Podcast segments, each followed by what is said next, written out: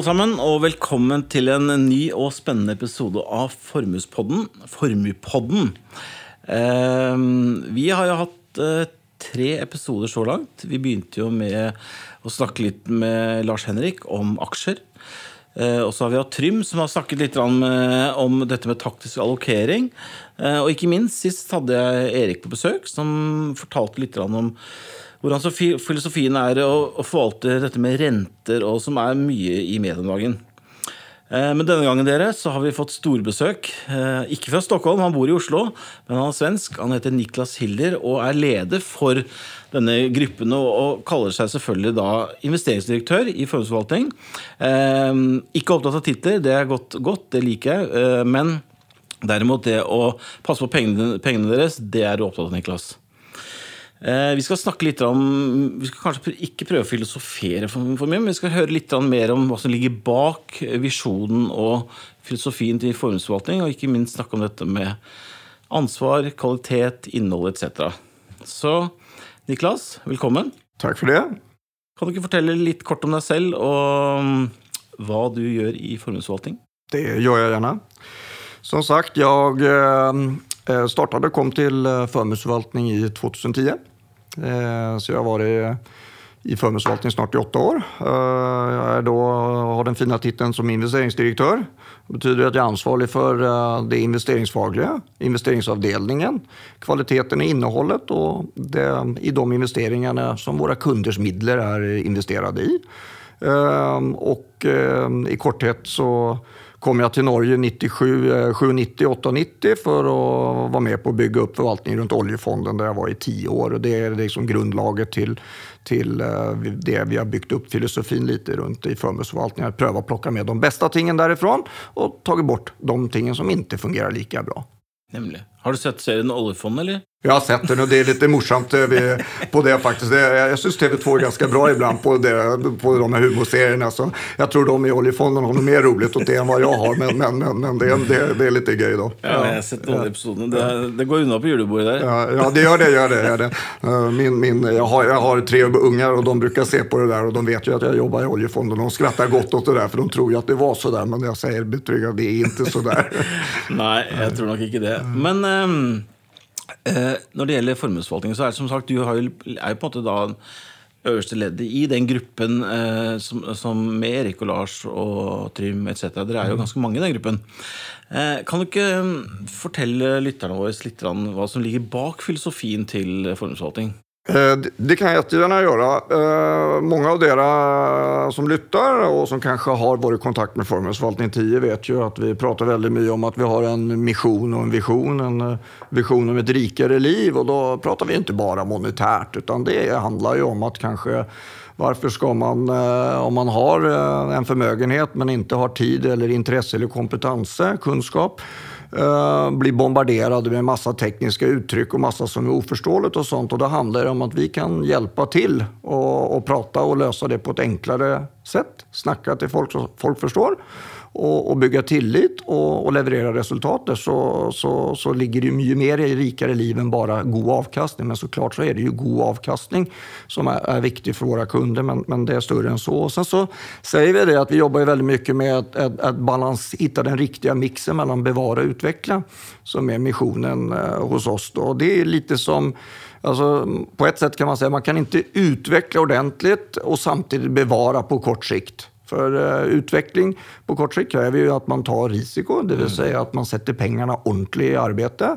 Och då kan det ju vara så att man gör ju, alla gör det, även professionella, även vi gör ju misstag, fel beslut. Ingen har 100% träffsäkerhet och det kan ju få de utslagen att man får värditap eller värdifall i portföljen som kan vara vanskliga att hantera rent emotionellt och sånt. Och så det handlar ju om att hitta den rätta mixen. Hur, hur ska jag jobba med kapitalet? Hur ska jag jobba med kapitalet på riktigt sätt? Och vad är balansen mellan att bevara, som är är egentligen köpkraftsbevaring, det vill säga att man bevarar den penningvärdin som man har, kontra det med utveckla. Och det brukar oftast vara på det vårt språk då, realavkastning, någon form av avkastning över inflation, så att man på sätt blir rikare på något sätt, att man kan köpa mer för samma, samma, samma penga, pengas, eh, pengabelopp egentligen. Och det, det är ju spännande då, för att eh, mycket med det där med, med, med, inom finans och förvaltning handlar ju oftast om att man tittar bakåt. Alla berättar vilka fantastiska resultat de har, men, men det är väldigt lite prat om eh, vad som egentligen ligger bakom de goda resultaten. Mm. Eh, allt är enkelt i, i baktid att säga att man skulle ha gjort ditt och datt. Och, mm. och vi pratar alltid mycket mer om våra goda investeringar och så tenderar vi till att bortförklara de dåliga eller mindre goda investeringarna. Eller vi snackar inte så gärna om dem. Men totalresultatet är dessvärre en summa av både de goda och de dåliga. Mm. Men vi har eh, massa sådana emotionella, psykologiska saker med oss som är eh, egentligen ganska spännande. Och, och i finans eh, så har ju det som heter beteendefinans eller adfärdsfinans eh, är ju en accepterad vetenskap. Tre Nobelpriser i ekonomi har ju tilldelats till eh, den inriktningen. Mm. Från att det bara varit syn att mänskligt är rationell och vi gör allting riktigt och vi är perfekta och allt sånt där. Så det här med att ta in det mänskliga, psykologiska, är kämpeviktigt i, dialogen med kunderna mellan bevara och utveckla. Då. Ehm, och för oss så är ett gott resultat inte nödvändigtvis ett högt avkastningstal, utan god förvaltning, det handlar om, inte som att driva vilken butik eller vilken bedrift eller sällskap som helst. Du önskar selvfølgelig driva butiken bra, professionellt, god produktivitet, lönsamhet. Men hur god lönsamheten är beror ju på vad du stoppar in i produktionen. Mm. När du förvaltar kapital så är ju produktionsmedlen är ju den risken som kapitalet ska ta. Mm. Och produktiviteten är hur mycket avkastning du får med, med bruk av den risken. Så sätta avkastning i relation till vilken risk, det vill säga hur mycket portföljen svingar, är ju egentligen det enda riktiga målet på att bedöma en eh, god förvaltning. Det är ett produktivitetstänkande, ett effektivitetstänkande. Precis som med vilken bedrift eller vilket sällskap som helst. Hur många timmar brukar du på att tillverka någonting? Hur mycket insatsfaktorer lägger du in av material och andra ting? Och vad får du ut i andra ändan? Mm. Så är det med förvaltningen också. Och det bevara och utveckla i ett nötteskal. Och det är det vi har lite passion för och det är det vi önskar mm. att optimera eller arbeta för att göra det bästa möjliga utav. Før du, før du, går videre og røper liksom hemmeligheten bak, eh, bak eh, resultatene her, Niklas, så tenkte jeg eh, Jeg liker det ordet du snakker om bevare og utvikle. På en litt enklere måte så vil jeg jo kanskje si at det er vel egentlig gassen og bremsen. Det er riktig. Hvordan, hvor mye gass du gir, og hvor mye, du, mye brems du gir samtidig. Og dette jo, henger jo sammen med dette med allokering og hvor mye du skal ha i rente, hvor mye du skal ha i aksjer etc. Men eh, kan ikke du bare litt, fortell litt mer om dette med gass og brems, som du snakket litt om innledningsvis. Hva, dette med utvikle og bevare, liksom, det er vel det, kan man omforme det til risk reward, kanskje? Eller? Ja, i, på tekniskt uh, språk. Mm. Eh, vi i finansbranschen brukar alltid prata om eh, risk, reward och massa sådana konstiga uttryck som sharp ratio, mm. effektivitetskvoter och informationskvoter och allt möjligt. Men det där betyder ju inte eh, någonting för vanligt folk där ute, utan det betyder mest för oss som mm. jobbar i det här. Men det, det är riktigt, det är ett, mål, ett effektivitetsmål egentligen, mm. som, som du är inne på då. Men det är underförstått och underkommunicerat. Och det är lite sån att eh, paradoxen är eh, att om man tar det på allvar så styr det egentligen väldigt mycket av vad du ger för råd och hur du skruvar samman filosofin och hur den generella anbefallningen är till god förvaltning. Mm. Men det kan vara andra intressen som, och önskar som gör att man vill gå och göra det annorledes. Men då är det för att man har andra saker som man önskar också uppnå mm. än bara ett gott förhållande, ett gott bytesförhållande brukar jag kalla också, ett mm. gott bytesförhållande mellan ta risk med kapitalen och, och den avkastning som du får där. Men det är ju legitimt att man kan ha intressen av att göra vissa aktiviteter. Någon kanske tycker det är kul att hålla på lite på sidan om. Mm. Det är helt legitimt. Men då är det för att man har lite andra målsättningar än bara bevara och utveckla. Precis. Och det, det driver ju också mycket med detta med att forvalte generasjonspenger og arv etc. Og det er klart det er jo helt ulike interesser på hva slags risiko eller gass og brens man ønsker å ha. Det er jo individuelt. Det legger dere selvfølgelig opp til uansett. Men uh, nästa spörsmål med Niklas är... Får jag bara komma ja? med ett inspel där? För bevara och utveckla är liksom kul och, och, vi är ju lite på det höga planet nu Tommy, filosofera lite då och sånt. Och det är klart, något som är lite paradoxen också när det gäller förvaltning av kapital, det är att alla säger att vi är väldigt långsiktiga. De flesta är väldigt långsiktiga. Vi sparar ju för, om vi inte sparar för vår egen generation så kanske vi sparar för flera generationer. Så egentligen vi har väldigt god tid. Men vi agerar och fokuserar extremt kortsiktigt. Mm. Pratar månadsresultat, kvartalsresultat och, och sånt. Då, som egentligen är ganska ointressant. Eh, för det är de resultaten som man skapar över långa perioder. Och det med bevara och utveckla är ju så att för egentligen att kunna utveckla eh, för att kunna bevara på lång sikt så måste du utveckla. Mm. Ingenting är ju statiskt. Eh, allting går ju vidare, allting ändrar sig. Så att, att bevara handlar ju också om att du må utveckla, för annars kan du inte bevara någonting heller. Nej, så det är liksom mm. två sidor, kanske lite filosofiskt, men, men det hänger samman. Uh, på riktigt lång sikt, för att bevara gott, så må du faktiskt ta en del risk för att säkra att du faktiskt har en investeringsportfölj eller en bedrift som är levervärdig och lönsam också om 10-20 mm. år. Då, kan du, då må du förändra dig, du må utveckla dig. Um, ett Ehm, Ehm, et eksempel på det, to eksempler på det faktisk, for å være kort om det, er jo eh, Elon Musk i Tesla har jo vært ute og sagt at han ønsker faktisk å gå vekk fra den kvartalsrapporteringen. Fordi at eh, fokuset blir nettopp så veldig kortsiktig. Eh, og mye av den, den teknologiutviklingen de er en del av, den er langs, langsiktig. Eh, og markedet sitter jo hele tiden og fokuserer på hvor mange Teslaer det er produsert i dag og i morgen. Eh, så han har faktisk prøvd det. Og et annet godt eksempel jeg vil nevne, som jeg nevnte tror jeg faktisk for Lars innledningsvis i første episoden, dette med Apple. For jeg tror at Apple skjøt seg selv litt i foten her nå uh, nylig. Fordi at, nettopp fordi at de er børsnotert, og markedet har forventninger om at marginer etc. skal øke og øke. Og øke, og det gjør at uh, ledelsen får et mye mer kortsiktig syn. da, Og derimot uh, måtte sette opp prisen så høyt at jeg tror faktisk de at det skjøt seg selv litt i foten at ble, prisene ble for høyt, og derfor faller salget noe. Mens en vanebedrift så ville en, en, mer normal pris for Apple vært mer enn godt nok. Men fordi at som du sier, da, du er notert, du har, har kvartalsfokus og mye kortsiktigere fokus, så blir de tvunget til å ta andre beslutninger enn hva som egentlig ville vært bærekraftig. Ja, det, det, det er riktig. Og vi, vi ser jo en, en, trend, og det er sikkert årsaken til det. er Uh, flera, det brukar, det brukar aldrig finnas någon enkel förklaring, men om man tittar på vad som sker strukturellt nu i, i marknaden så, så ser man ju till exempel att uh, en, en, god investeringstillnärmning den, den ska ju pröva att ta del av den samlade växten som skapas i världen. Och, och all växt skapas ju inte i de noterade sällskapen, de börsnoterade sällskapen, utan den största växten skapas ju faktiskt utanför börsen. Mm. I privat sektor, i privata bedrifter, alla våra entreprenörer, grundare etc. etc.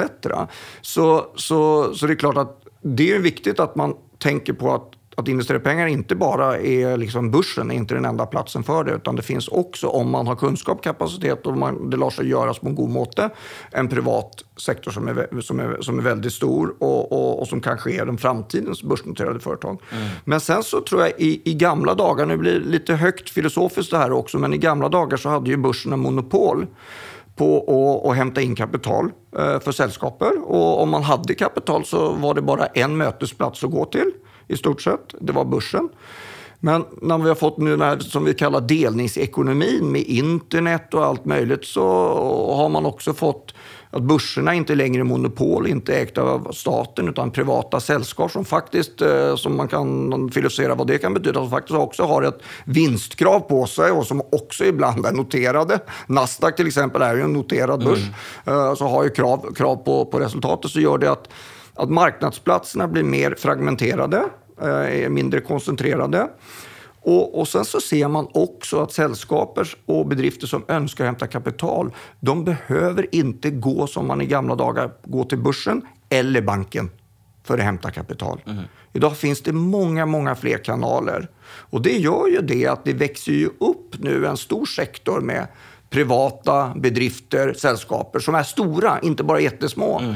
Och många väntar ju jättelänge med att gå på börs. Kanske de inte går på börs överhuvudtaget. Och när de går på börs så är det mer bara för att de egentligen har en prislapp med än mer än att de tränger kapital. Så, och där kommer ju riskkapitalmarknaden in. Eh, med private equity och alla möjliga som är en kanal med kapital och andra aktörer som investerar. Så landskapet ändrar sig. Jag såg någon statistik på det där att i USA så har antalet noterade aktier, alltså börsnoterade aktier, det var tror jag, runt 8000 stycken eh, runt 2000. Idag är det 4000. Mm. Det är halvparten så många börsnoterade sällskap som det var för, för cirka 20 år sedan. Eh, och det är lite intressant att reflektera över att, att det kan vara så.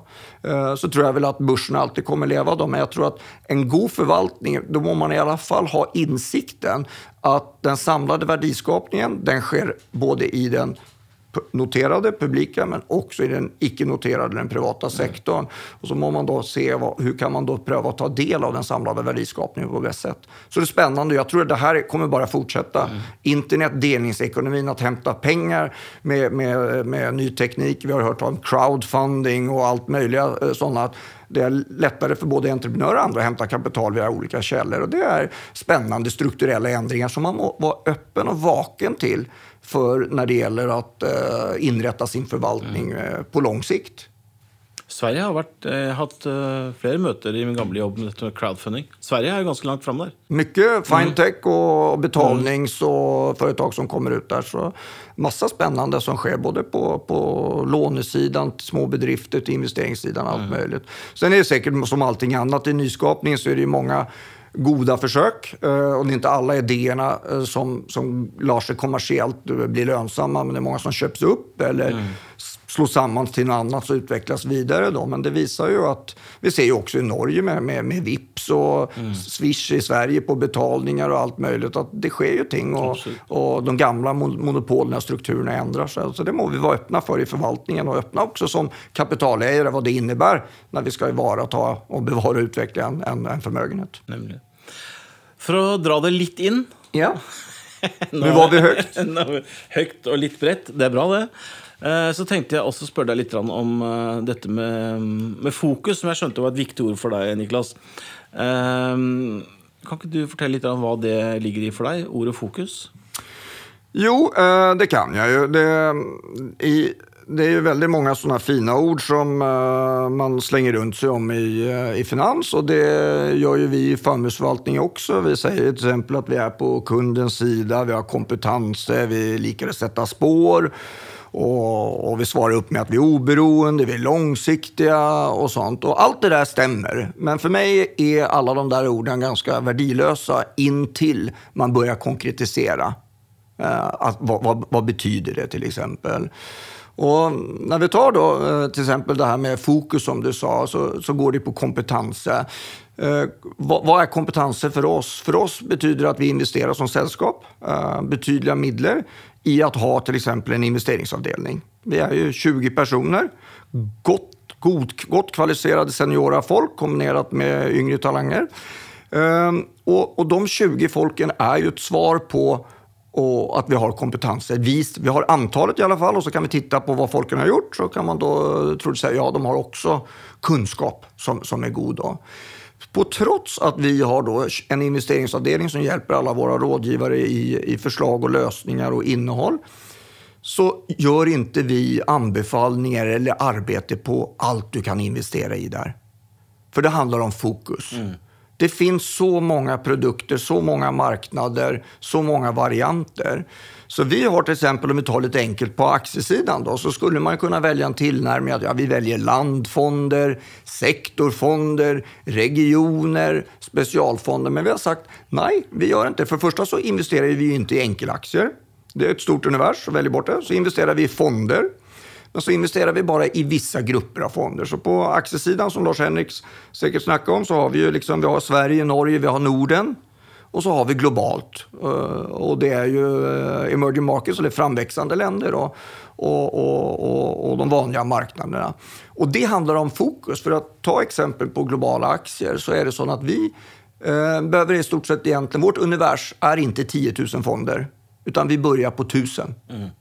Då har det redan gått minimera, en tiondel har du, mm. har du, eller nio tiondelar har du tagit bort. Mm. Det handlar om fokus. Du må liksom komma ner med universet och då har vi tusen och det kan ju vara, oj, det är nästan oöverkomligt, tusen stycken. Och så börjar vi lägga in andra parametrar i det där, att de måste ha en viss störelse, fonderna. Och sen så, om vi väljer aktiv förvaltning så må de ju visa att det är aktiv förvaltning och inte någon sån kvasi-aktiv förvaltning. Det är som att, att för lite, att det inte är någon kost-nytta, inte lönar sig. Så kommer vi ner till ett antal som kanske är runt 200 fonder. Eh, och då är det hanterbart. Mm. Och det är ett svar på fokus. Mm. Och, och, när vi pratar förvaltarselektion då och portföljkonstruktion. Men om man säger, vad är liksom de fyra pilarerna? Eller har du tre pilarer? Eller vad har ni? Vad är liksom grundbolten mm. på, på vad ni gör i, i, i selektionen och jobbet? Då brukar jag säga att det är fyra faktorer som är där. Och den första är faktiskt det med fokus. Och den är, vi brukar säga, definiera vad du letar efter. Mm. Det handlar om att om du inte har gjort dina goda tankar på vad du är ute efter så är det, blir det lätt att gå sig vill där ute. Mm. Så det är definiera väldigt nöjaktigt vad du letar så att du, du har tänkt det. Och sen är det att välja de bästa förvaltarna. Det är enkelt, men vi, i vårt språk heter det övre kvartil. Det betyder att du må välja de förvaltarna som tillhör de 25 procent bästa. Mm. Egentligen. Och varför det? Jo, för att om du väljer en genomsnittlig förvaltare så lönar det sig inte efter kostnader att få goda resultat. Så du må liksom ha, sätta ribban högre uh, för, för att få det. Och sen handlar det om att om du då klarar det och väljer förvaltare som är bra så handlar det också om att sätta dem samman riktigt. Förvaltare gör olika saker, har olika stilar, olika måter och det fungerar på lite olika tidpunkter i marknaden. Så sätta samman dem riktigt är den tredje. Och sen den fjärde är viktigt då, att du har ju gjort det här i tro på att du ska få någonting. Då må du få en verifiering, alltså en bekräftelse på att det du har gjort och valt faktiskt levererar det som är sagt. Alltså det är en iterativ eller en, mm. en process att följa upp att det fungerar. Och får man, gör man alla de här fyra stegen så över tid så skapas det väldigt goda resultat. Och det, det visar våra resultat eh, tillbaka i tid. Och, och, men det är inte så att vi liksom varje kvartal, varje år är fantastiskt. Som, som det, det, det, är, det kan man inte producera. Men över tid så fungerar det där väldigt, väldigt bra. Och det är det vi bygger en del av mm. det förvaltning. Så, så fokus, som du inledde med, är extremt viktigt. För det betyder ju att om du fokuserar så kan du spendera mer timmar på de sakerna som du fokuserar på än om du har bara, jag tittar på allt. Då blir det väldigt lite tid att titta på allt. Mm. Eller var och en av komponenterna. Det vill jag också säga eh, för lyssnarna ute. Om ni nu har kommit in i denne podcasten lite sent, så vill jag definitivt anbefala er att gå tillbaka och lyssna på de gamla episoderna. För att eh, både Erik och Trym de snackar ganska mycket om detta med hvordan de monitorerer og følger opp forvalterne dersom de gjør avvik i forhold til hva de har eh, lovt eller sagt. Eller, det hender jo at forvalterne forelsker seg i posisjoner etc. Men der er eh, gutta på hugget og passer på hvis det er noe som avviker, så er det der. Og det, det syns jeg var veldig interessant å høre det är ju människor bakom de här förvaltarna också. Och som vi pratade om lite tidigare så, så är ju inte det heller perfekta människor och, och det sker ting och allt möjligt. Så det är viktigt att man också förstår det mänskliga i det här. Mm. De har också en adfärd som de prövar att jobba med, men den är på ingen måte perfekt hos förvaltarna heller. Precis, det är helt riktigt. Du, vi, har, eh, vi närmar oss eh, slutet, Niklas. Eh, jeg har, har snakket, du har snakket litt om dette med, som var egentlig mitt neste spørsmål, med dette med å håndplukke og teamet ditt og den gjengen du har satt sammen. Og vi har jo hatt gleden av å ha flere av de i podkasten allerede. Og vi kommer til å få flere fremover. Men eh, uh, jeg har lyst til å, uh, eh, før vi skal begynne å snakke litt bredt om uh, Vi skal avslutte med å snakke litt makro og litt marked. Så tenkte jeg å høre med deg også dette med hvordan, du, hvordan man skal måle, måle resultater og, og kvaliteter.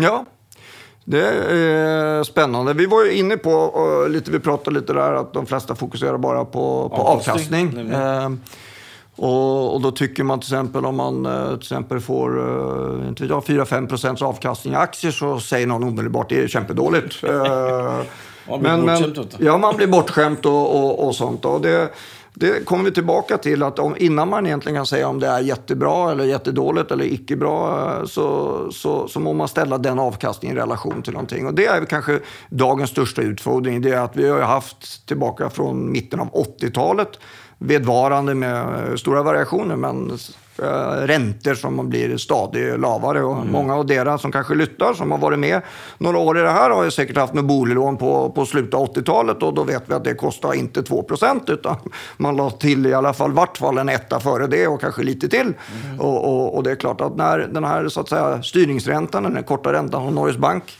är nyligen satt upp, men från ett extremt lavt nivå, eh, sjunker väldigt lavt, så må man alltid ställa alla avkastningar som man får av investeringsaktivitet i relation till mm. vad egentligen räntan är i, i Norges Bank, styrningsräntan på lite enkelt sagt. Mm. För det handlar ju om att du ska ju få betalt för att ta risk utöver det vi kallar på vårt språk riskfri ränta, men det är ränta till Norges Bank i stort mm. sett. Och det är en ränta till Norges Bank 1% och du får 4-5% i aktier, ja då har du fått ett risikopåslag på aktier på, på, på 3-4 procent, alltså mellan 3 och 5 procent. Och det är ju egentligen ganska bra. Så att 4-5 procents avkastning i aktiemarknaden, gitt där räntan är idag, motsvarar väl kanske 7-9 procents avkastning i gamla dagar. Eller mm. 8-10 mm. kanske när räntan var ännu högre. Mm. Så det är väldigt viktigt att vi sätter det här i relation, men där är vi nog i en tillvänjningsprocess. För det tar lång tid innan vi, eh, det här sjunker in mm. och allt möjligt. Men det betyder att det ställer stor krav på, på kap, vi som kapitalägare eller våra kunder och alla andra som har kapital. Att tillvarata kapitalen den på en bra måte. Jag repeterar, bevara och utveckla på riktigt sätt. Mm. Och oss som tillbyr de tjänsterna och önskar att hjälpa folk med att förvalta deras förmögenheter. Att vi också kan visa på den värdeskapningen i alla led som leder upp till bättre resultat. Det vill säga att vi prövar att få ut, hösta den avkastning som finns där. Det är, när, när den absoluta avkastningsnivån är lite lavare i marknaden så, så, så är det ju mindre rum för misstag. Uh, I gamla dagar kunde man säga, ja, ja, ja, okej, okay, jag skulle ha haft nio, men jag fick åtta. Ja, du kanske lite grätten där och då, en minut, men annars så är du ganska nöjd. Mm. Men, men när, när du skulle ha haft fem, men du fick tre, mm. ja, då, då, det, det, blir lite mer stress. Mm. Uh, då, så det är ju, ställer ett stort ansvar att man gör det här, här riktigt. Då, så. Men uh, förutsättningarna som jag säger är mer ändå att inte säga att marknaden är vansinnigt dyra. Eh, utan, sån, utan det är bara att den absoluta avkastningsnivån som kommer framöver eh, är lavare. Och är det någonting som kanske är dyrt i marknaden så är det väl kanske räntan som, och ränteinvesteringar som kan te lite dyra för att det ser inte ut som att man, man, det kan vara vanskligt till och med att upprätta köpkraft när, när du har mm. långa obligationsräntor som har blivit uh, artificiellt eller konstigt lava genom mm.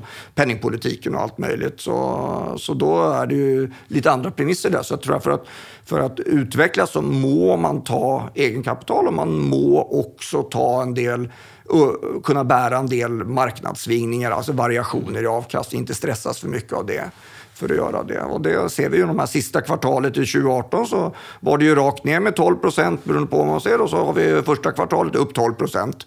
Och det är klart att eh, hamnar man fel där i, i de rörelserna, att man får panik och säljer när det har gått ner 12 och sen så börjar man bli lite euforisk nu då, så är det ju dålig timing på, på kapitalet. Eh, och det kan ju kosta mycket då kontra att man har gjort tvärtom eller att man sitter stilla i båten då. Det är många jag känner som inte kommer att glömma julafton 2018. For da satt, satt jeg så den, var nesten at jeg begynte å le. Oljeprisen var ned 6-7 og øh, børsen var tryna. Men eh, jeg skal leke litt filosof en liten, et lite spørsmål her òg. Eh, sekund, òg. for det, det, det, du har vært inne på, Niklas, tror jeg er veldig viktig. For at nå har vi hatt eh, åtte, åtte, år hvert fall med veldig veldig gode markeder. Hvor vi har hatt veldig mye hjelp av øh, eh, de ulike sentralbankene.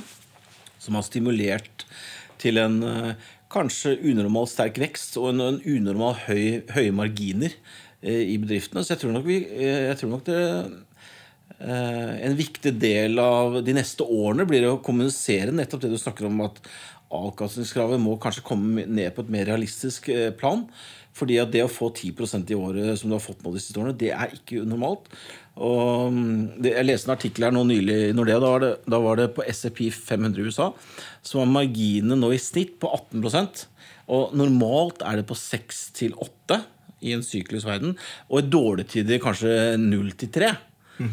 Eh, og jeg frykter jo at vi Vi har jo veldig mye sterke signaler på at um, vi går tøffere tider i møte at disse marginene kanskje, marginene kanskje skal ned. og Derfor tror jeg nok en, del av, en, en, viktig del av jobben blir nettopp å få folk til å skjønne at her avkastningskravene vi har hatt historisk, at det er ikke normalen. Nej, det, tror det är helt, helt riktigt. Så- det. Så, Men tiden flyr litt fra oss eh, når vi har det så hyggelig. Det gör det när man har det moro och har möjlighet att prata om det som uh, ligger en närt och kärt. Och det är ju det vi jobbar med.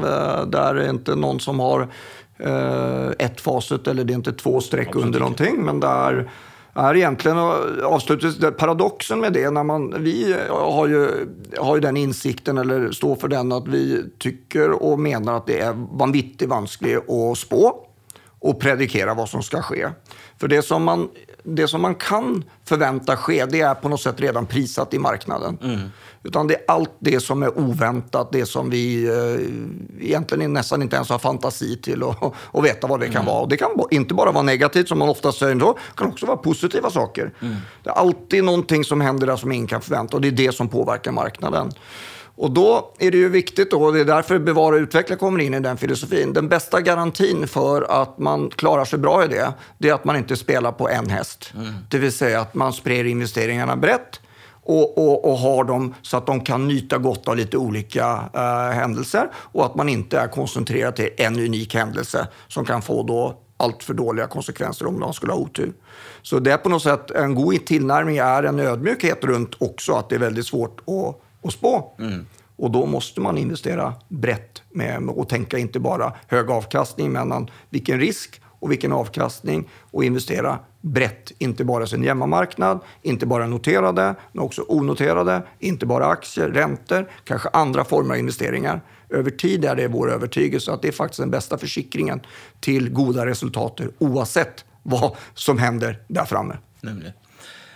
Velvalgte ord, Niklas. Eh, Og ikke minst, som jeg, som jeg avslutter med å si, at jeg tror at, vi, at tiden vi har i møte, kan bli eh, noe vanskeligere. Og da, da vil jeg si at da er det viktig at man er i gode hender, og det er man jo hos dere.